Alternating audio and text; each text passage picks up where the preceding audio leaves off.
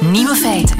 Dag, dit is de podcast van Nieuwe Feiten van 30 november. In het nieuws vandaag dat u lekkerder slaapt met een hond in bed dan met een man. Als u een vrouw bent, tenminste. Amerikaanse wetenschappers hebben een kleine duizend vrouwen ondervraagd over hun slaapgedrag. Ruim de helft van die vrouwen bleek het bed te delen met tenminste één hond. Ongeveer een derde deed het met een kat. En 57% met een mens.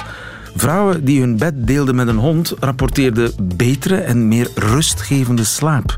Ze zeiden ook dat hun honden minder storend gedrag vertoonden dan hun menselijke partners. En honden gaven ook een sterker gevoel van comfort en veiligheid. In bed slapende katten blijken net zo storend als menselijke partners. En ze boden nauwelijks comfort en veiligheid. Conclusie: gooi die vent uit uw bed. De andere nieuwe feiten vandaag. Alcoholvrij bier geeft evenveel plezier. Een geneesmiddel voor een zeldzame ziekte is in één klap 500 keer duurder geworden. Sander van Hoorn wil de noodtoestand afkondigen in Brussel. En componist zijn van klassieke muziek op je 21ste met opvoeringen op de grote podia. Karel Stulens uit Limburg, die kan dat. De nieuwe feiten van Bart Peters hoort u in zijn middagjournaal. Veel plezier. Nieuwe feiten. Wat als een medicijn dat je leven kan veranderen plots 500 keer duurder wordt? Marleen Finoest, goedemiddag. Goedemiddag, lieve. Je bent arts en hoofdredactrice van Body Talk. En dat geneesmiddel, dat bestaat en het werkt tegen een bepaalde ziekte en die ziekte heet CTX. Wat is CTX?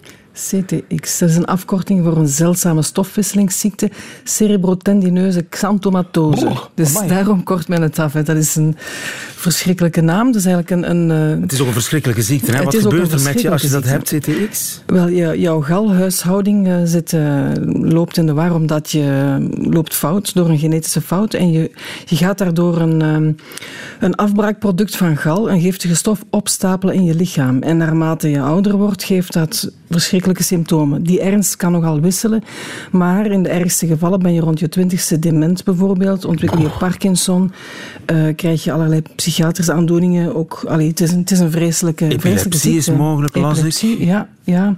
Gedragsstoornissen allerhande. Dus het kan op heel jonge leeftijd beginnen met cataracta, op, op kleuterleeftijd, maar het kan ook zijn dat je het pas op volwassen leeftijd ontdekt, diagnosticeert. Dat is, Het is moeilijk te diagnosticeren, ja, die ziekte. omdat het zo'n zeldzame ziekte is. Het, komt, het is een weesziekte. Dat, dat, letterlijk is dat een ziekte die Een minder... Ja, die, per definitie is dat een ziekte die minder dan 1 op 2000 personen treft.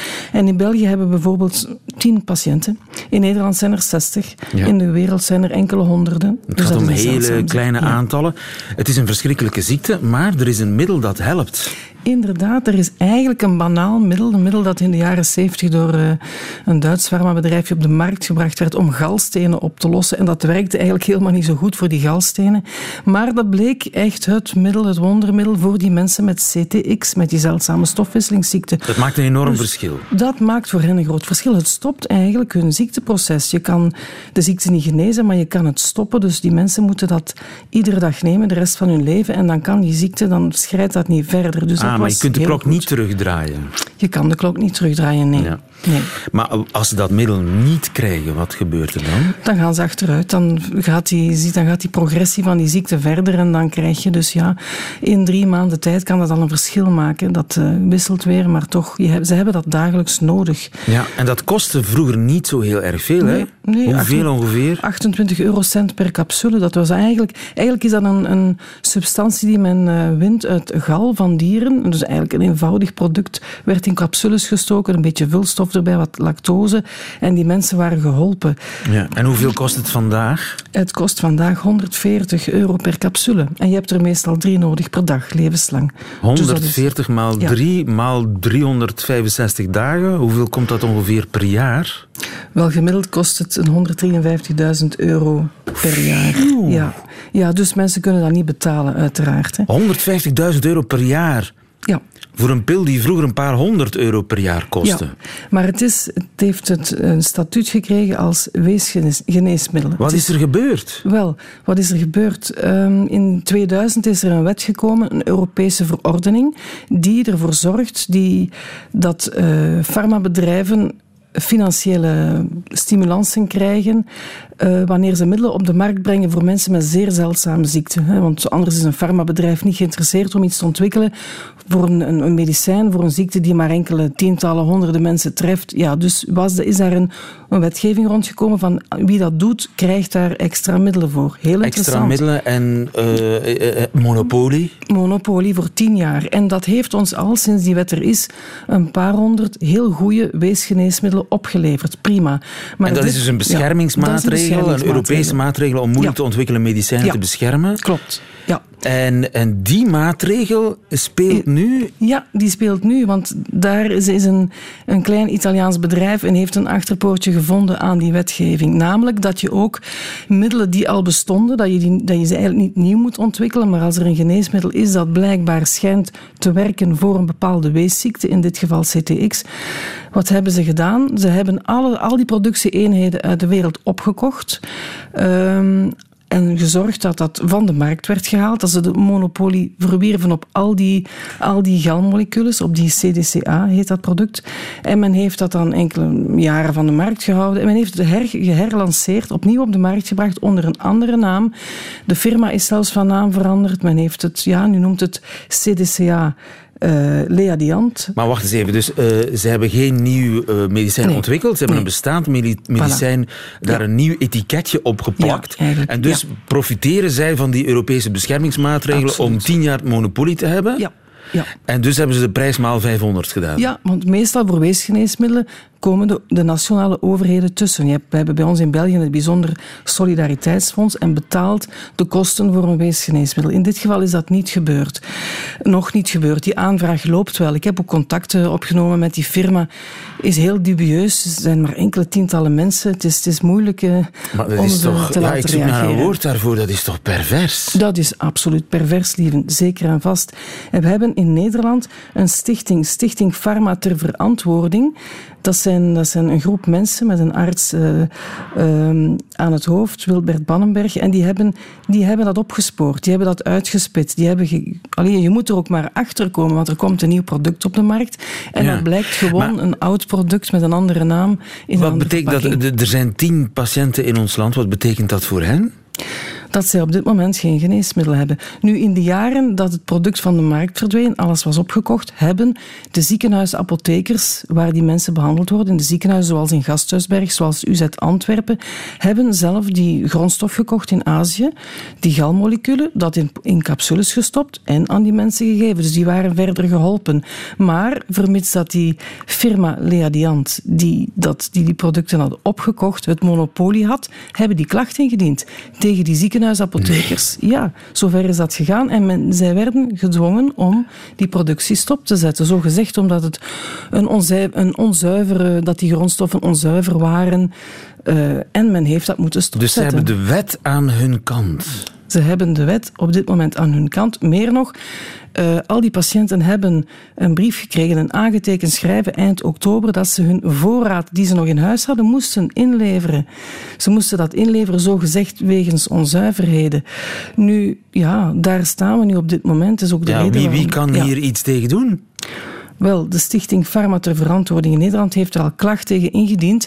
En deze week, enkele dagen geleden, heeft de Nederlandse overheid, de Zorginspectie, beslist dat ziekenhuisapotheken toch terug opnieuw voor hun patiënten die producten mogen maken. Zelf maken met Ja, die eenvoudige... En nu is het afwachten om te kijken of die, firma, ja, om die firma weer in beroep gaat of niet.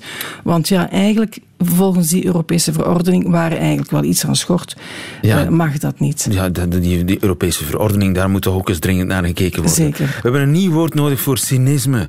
Dankjewel, Marleen Finoest. Goedemiddag. Graag gedaan. Nieuwe feiten. De ontdekking België. De ontdekking van België door Sander van Hoorn. Sander, ik hoef jou niet meer voor te stellen.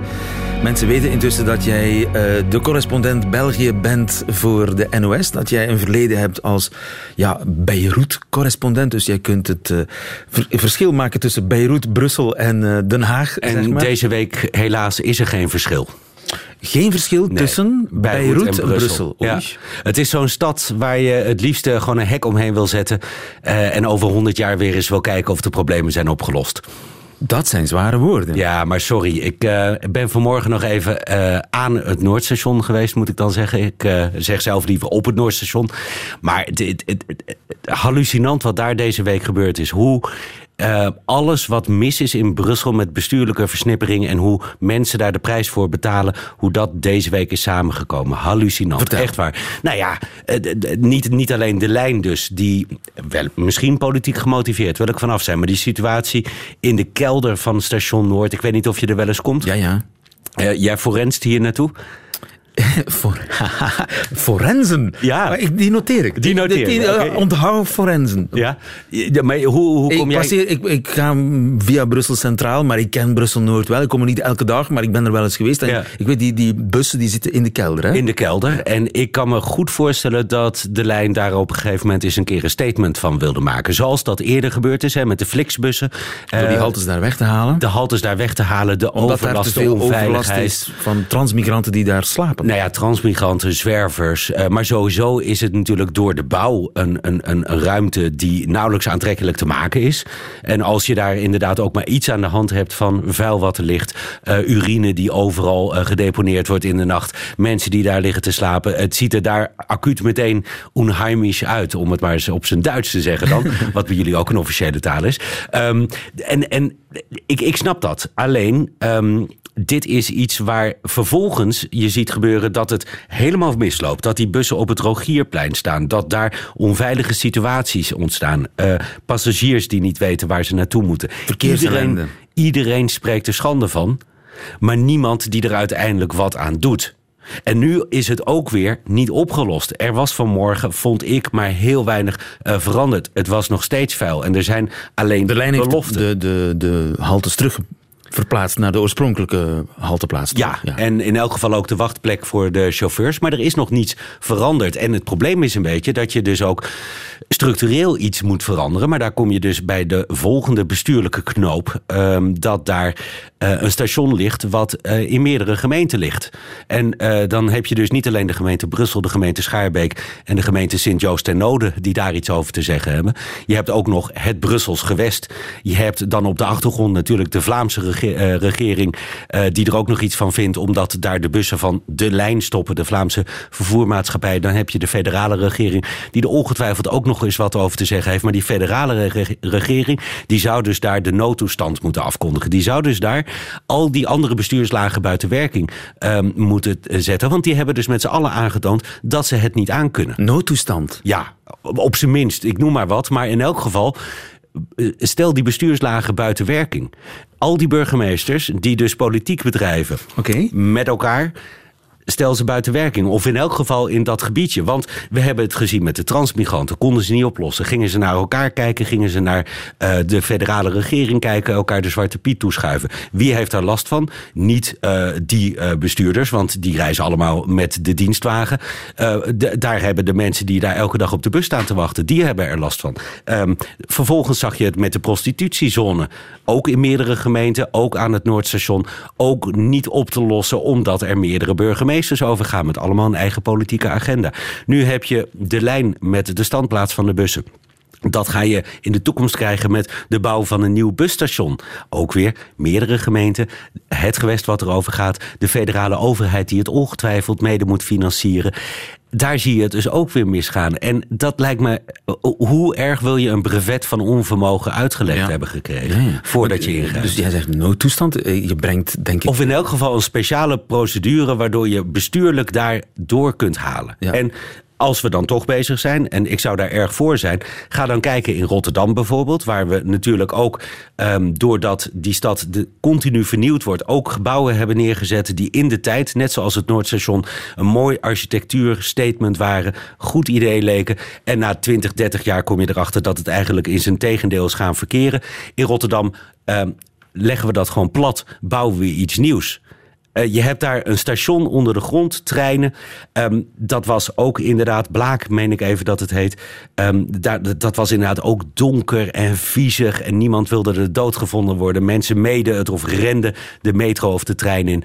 Daar hebben ze nu een putdeksel gemaakt. Ja, Rotterdammers, ik, sorry, ik heb voor, toen ik, voordat ik naar het Midden-Oosten ging, was ik Rotterdammer.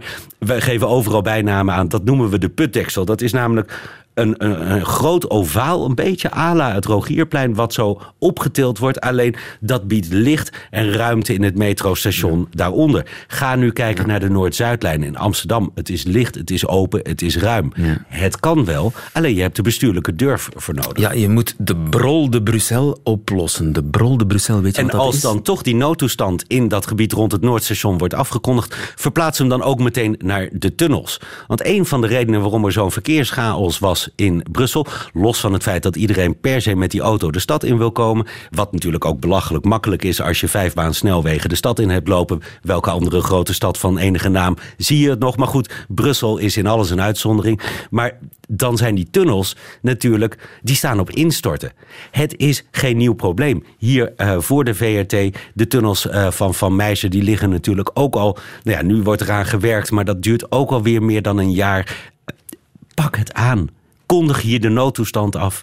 Regel het. Ja, heimwee naar Beirut bij Sander van Horen. Nou ja, daar had je tenminste geen openbaar vervoer van enige naam. Dus daar kon het ook niet misgaan wat dat Of heimwee naar Rotterdam. Je hebt niet geantwoord op de vraag de brol de Bruxelles. Of je weet wat dat is, de brol de Bruxelles. De brol de Weet je wat brol is? Brol is, eh, in, in de context zou ik zeggen, een chaos, een zooitje. Ja, dat ik- klopt ook. Maar het is een heel courant Vlaams woord. Ja. En niet alleen een Vlaams woord, het wordt ook in Franstalig België Maar gebruikt. In Brussel. Fantastisch. Brol de Bruxelles. Koketteer daar maar weer mee. Ik koketteer daar niet Nee, mee. nee, maar in het algemeen. Ik bedoel, de- nee, maar dat is zo typisch Belgisch. Van, het is niet op te lossen. We weten het met z'n allen. We geven Laten we het mooie- charmant vinden. Precies, we geven er een mooie eh, eh, karikaturale naam aan en we kijken de andere kant op. En dan, hé, hey, na tien jaar is het probleem nog steeds niet opgelost. De brol de.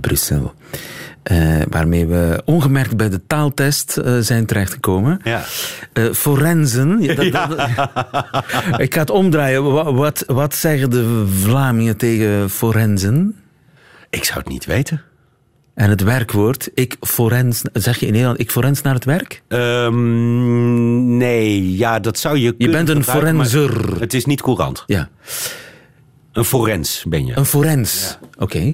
In eh, Vlaanderen ben je een pendelaar. Een pendelaar, ja precies. Ja. Je pendelt. Ja, maar pendelen heeft niet de connotatie die forense bij ons heeft. Forense is dus iemand die ver van het werk woont en accepteert dat hij daardoor, hè, dat is de connotatie, accepteert dat hij daardoor elke dag eh, een paar uur in de file staat. Oké, een pendelaar. Is ook een waarzegger natuurlijk. Een waarzegger? Ah, dat wist je niet. Nee. Oh ja, nee, een pendelaar, ja, ja, ja. inderdaad. Pendelaar, wichelaar. Op tram 5 stappen. Ben je al op tram 5 gestapt overigens? Dat is een metrolijn 5, toch? Nee, op tram 5 stappen. Op tram 4, tram Ja. 6. Brussels of Antwerps? Onze, onze technicus is eh, volgens mij zit nog op tram 3. Tram 3. Tram 3. Nee, Ik zit op tram 5. Tram 5. En volgens mij... Hebben we dan bijna over salarisschalen? Nee, leeftijd. Leeftijd, oké. Tram 5 is iemand die 50 is. Oeh. Ja, hakken nog in tram 4. Jij zit nog hakken in tram 4. Ja. Eh, of eh, eh, en, en raak je makkelijk of moeilijk in je tram? Sander? Ja, ik altijd heel makkelijk. Jij? Ik- Heel moeilijk. Maar wat betekent het? Eh, je bed uitkomen, geen idee. ja. Ja. In je tram geraken is in, ja, in je bed. Of uit je tram is dan uit je bed Ja, geraken. ja. Prachtig. Je wordt alsmaar beter. En ja, ik bedoel, je analyse van Brussel. Helaas. Helaas, inderdaad. Dankjewel. Radio 1. Nieuwe feiten.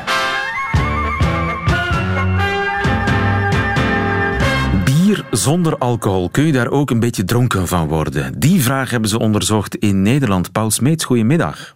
Goedemiddag. Onderzoeker aan de Wageningen Universiteit in Nederland. Ja, echt letterlijk dronken kun je natuurlijk niet worden van alcoholvrij bier.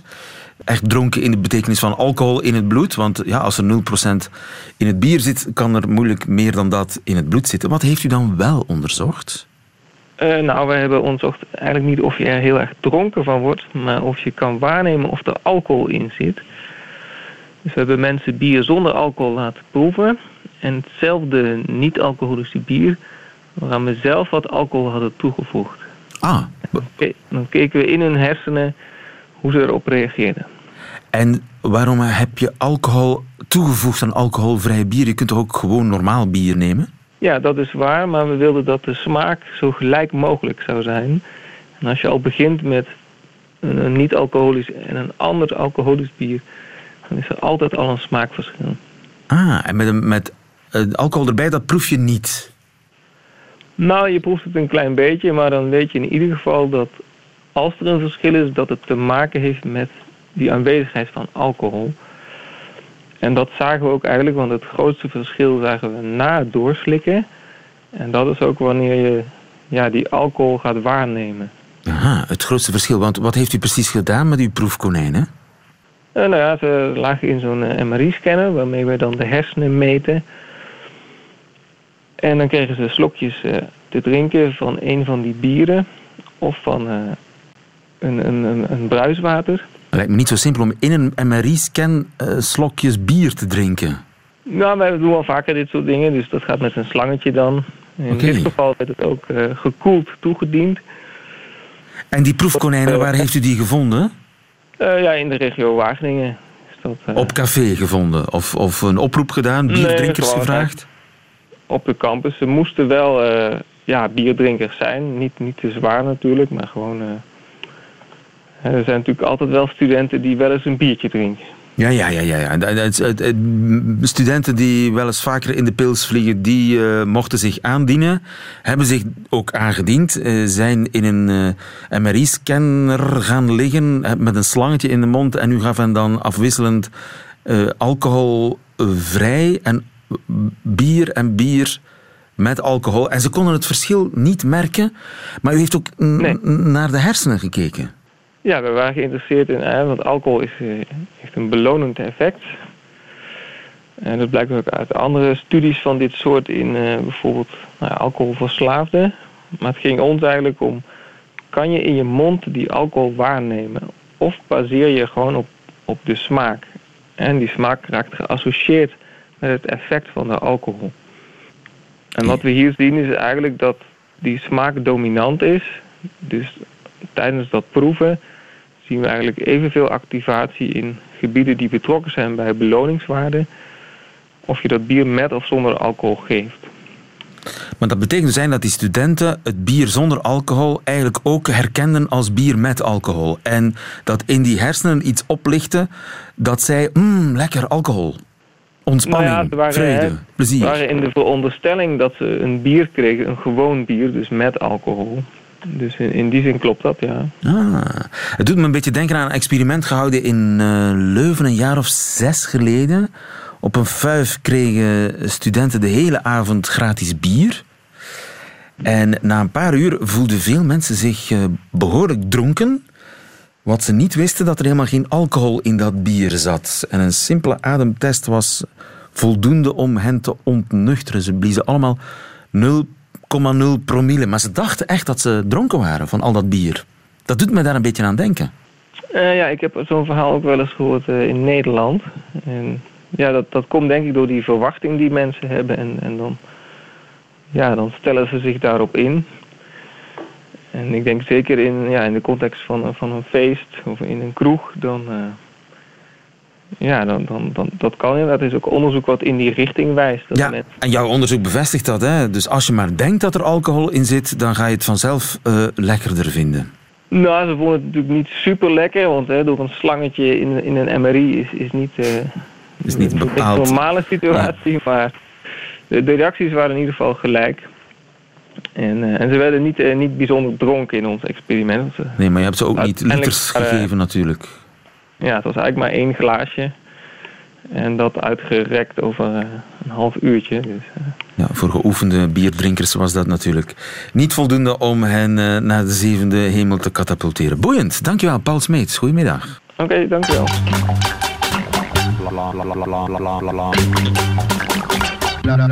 Nieuwe feiten. Op je 21ste een compositie schrijven die in het Concertgebouw in Brugge wordt gespeeld door het Symfonieorkest Vlaanderen. Dat is niet niks. Dag Karel. Dag, goedendag. Karel Studens, student compositie aan het Conservatorium in Gent en winnaar van een wedstrijd uitgeschreven door uh, datzelfde Symfonieorkest Vlaanderen. Een ja. compositiewedstrijd die jij gewonnen hebt. En de prijs was de opvoering van het concert in Brugge.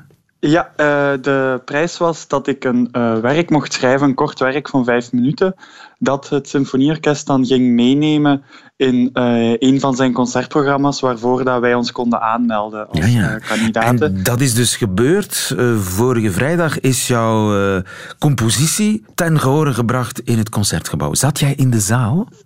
Ik zat in de zaal. Het was de première in Brugge, ja. En was je ook bij de repetities betrokken? Of heb je dan ja. en daar voor het eerst je eigen stuk gehoord?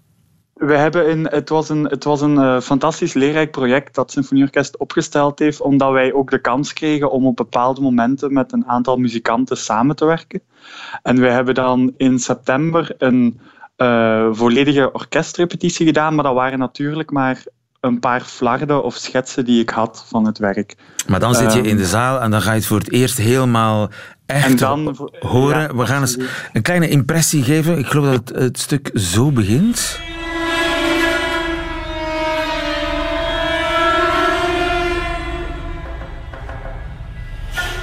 Er is ook nog een spannende muziek.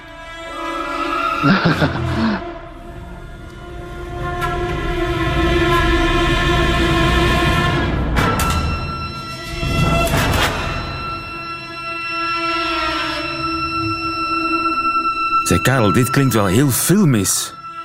Ja, Was dat de bedoeling? Reactie heb, um, nee, allee, ik ben niet echt bezig met filmcompositie, maar ik, eh, vaak heeft, um, heeft hedendaagse klassieke muziek een heel um, spanningsvolle boog, of is dat heel ja, complex voor het oog, waardoor dat wij vaak een heel intens gevoel krijgen die ons vaak doet denken aan film, denk ik. En, Ja. en, en, ehm, maar ja, de grote klassiekers als, als, als films van Stanley Kubrick of zo gebruikten hedendaagse klassieke muziek als achtergrondmuziek. Dus dat, ik denk dat het wel veel met elkaar te maken heeft. En klonk het eh, helemaal zoals het in je hoofd heeft geklonken tijdens het schrijven?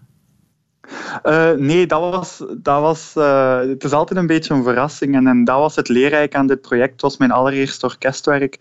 Ehm, en nu ja, kon ik het reëel horen en dat is zo leerrijk geweest. Maar Wat soms was het gebeurde er- verschil tussen wat er in je Ehm, hoofd klonk en eh, in het concertgebouw? Ja, so- soms, soms gebeuren er dingen waarvan je de impact onderschat hebt, of soms gebeuren er dingen waarvan je de impact overschat hebt. Dus dat is dan ehm, heel verrassend om dat te horen. En je verwacht bijvoorbeeld dingen waar dat je heel lang aan gewerkt hebt, en die komen er dan veel minder uit dan Ja. dat, waar, terwijl iets anders dat er zo op stond eruit vliegt uit het orkest. Ja. Maar uiteindelijk, ja, door, door met uw docenten samen te werken en, en eh, door eh, de kleine ervaring die ik heb, is het uiteindelijk toch wel goed gekomen, denk ik. eh. Zeg maar, die avond werden er dus stukken gespeeld van, wat was het, Schubert, Beethoven?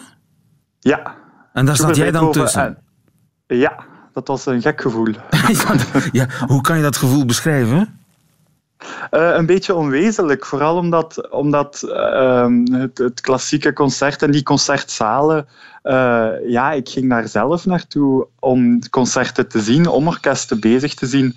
En nu ja, zat ik daar en stond ik zelf op het programma. Dus Ja. dat is, Op je dat is heel 21ste. onwezenlijk. Om, op mijn één, ja, Ja, zot. geweldig. Zeg, eh, wie of wat heeft jou naar de muziek en naar de compositie getrokken? Ehm, eh, ja, ik ben heel hard ehm, opgegroeid in een, in een heel muzikaal gezin. Wij waren allemaal bezig daarmee op, op, eh, ja, op, op hobbygebied. Ehm, dus het was een beetje logisch dat ik ook in die wereld ging terechtkomen. En ik heb dat dan ook gedaan door gitaar te gaan studeren. En dat is dan steeds verder en verder beginnen ontwikkelen. En ik ben naar de kunsthumaniora getrokken. ehm, en dan op het conservatorium terechtgekomen. Ja. En altijd waren er meer mensen die je leerde kennen, die daarmee bezig waren. En, Dus ja. en nooit gedacht om in de, in de gitaarmuziek, in de rock and roll, eh, in wat voor eh, hedendaagse entertainmentmuziek bezig te zijn? Nee, ja, ja wel. In mijn, in mijn, in mijn eh, puberjaar heb ik heel in bandjes gespeeld, gitaar gespeeld, in, in En waar luisterde in, je toen naar? ja, Metallica, Slipknot, Iron Maiden. ehm, tuurlijk, zo de, de harde metal muziek. Maar uiteindelijk, ja, dan door in kunsthumaniora terecht te komen, partituren te zien en, en, en hedendaagse muziek te ontdekken, dan verder in het conservatorium, heeft, Ja. had een soort, soortgelijke impact op mij en fascinatie. En, eh, Een soortgelijke impact. Het is nogthans een grote stap hè, van, van Slipknot naar Schubert. Ja, daarvan wel. Maar als we kijken naar eh, ja, alhoewel ook weer niet. De impact van een, van een symfonie van Beethoven of zo kan even, kan even hard zijn als een, als een Metallica gitaarriff of zo. Dat, dat, dat is wel waar. En kan je dat uitleggen? Uh, ja, de, de, ik weet nog dat ik de vijfde symfonie, dat klinkt heel cliché om te zeggen natuurlijk, maar de alombekende vijfde symfonie van Beethoven. Ja, ja, voilà, kreeg ik voorgeschoteld en dat heeft zo'n impact gehad hoe dat, dat orkest maar blijft gaan, blijft spelen, blijft knallen. Quasi, het zijn bijna gitaarriffs. Zo klonk het in mijn horen als, als gitaarriffs die eruit kwamen. Um, en toen dat ik later ontdekte dat, dat in de hedendaagse muziek ook elektrische gitaren gebruikt werd in, in de klassieke scène of, of met effecten op instrumenten, ja, dan was, dan was dan En is, is dat jouw bedoeling om Beethoven een beetje te slipnotten? Um, wel, misschien een beetje in de zin van het is oude muziek en momenteel verovert die muziek nog altijd wel de klassieke podia, terwijl er heel veel um, componisten vandaag de dag ook zijn. Dus uh, misschien is Beethoven een beetje slipnotten een, uh, misschien een beetje de manier om te laten zien van er is ook nog iets in 2018 dat ook wel gehoord kan worden. En geschreven kan worden door 21-jarigen die eh, compositie studeren aan het conservatorium in Gent. Karel Stulens, jouw stuk heet Expired en is dit weekend nog te horen in Heist op den Berg en in Oostende. Van harte gefeliciteerd. En tot snel. Dag Karel. Tot snel, dankjewel. Dag.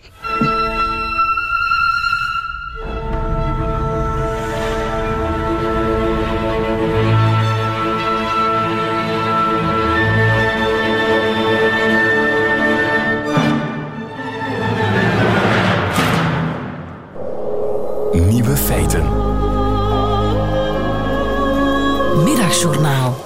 Ik kreeg vanmorgen een kaart van Nicole en Hugo. Don't forget to smell the roses, stond erop. Soms zijn sprookjes ook gewoon een beetje waar. Nicole en Hugo zijn nog altijd bij elkaar. De echte reden van hun schrijven heb ik uh, verdrongen. De mensheid landde deze week op Mars. Jommeke werd ballerina. In China werd het DNA van een HIV-baby-tweeling aangepast. Rusland escaleert weer tegen Oekraïne. Maar gelukkig had Tom van Grieken plots een geel hesje aan. En leerde koning Filip zichzelf een portret van koning Boudewijn schilderen. Er wordt gesleuteld aan een lamp die nooit kapot kan gaan, maar men heeft nog weinig gevonden om onze aftakeling te milderen. Er bestaat een documentaire over Mick Jagger. Hij is 59 en besluit nog eens op tour te gaan met de Rolling Stones. Je ziet hem reality-tv gewijs allerlei kinesisten frequenteren en zich onderwerpen aan vernederende lage rug- en hamstringoefeningen. Hij moet gecontroleerd leren dansen, podologische schoenen dragen en hij moet naar de zangles. Wees dan maar eens een met de duivel sympathiserende, nooit bevrediging vindende jumping jack flash. Ik dacht vooral, waarom doet die mens dat? Tot vandaag. Want die kaart van Nicole en Hugo was dus een verjaardagskaart. Gelukkig kruip ik rond in de microcosmos. In de macrocosmos van Mick Jagger is alles anders. De microcosmos is simpeler. Maar er zijn parallellen. Over exact een jaar beginnen mijn eigen jaren 60. Trouwens, kinesist? Check. Zangles? Check. Joggen? Check. Hugo Matthijssen zei onlangs droogjes: Bart, het beste dat je kunt doen is uw innerlijke Leonard Cohen opzoeken. Maar hij was ook de eerste om vast te stellen dat ik hem nog niet gevonden had. Ik heb me laten overhalen tot een groot concert met veel gedruis. In de Lotto Arena, exact vandaag, over een jaar. Madison Square Garden, it ain't, maar toch. En ik heb maar één voorwaarde. Het moet heten het Deluxe concert. Vooral niks met een getal. Don't mention the war. Nu zelf nog de datum proberen te onthouden. Want alleen iets vergeten? Check.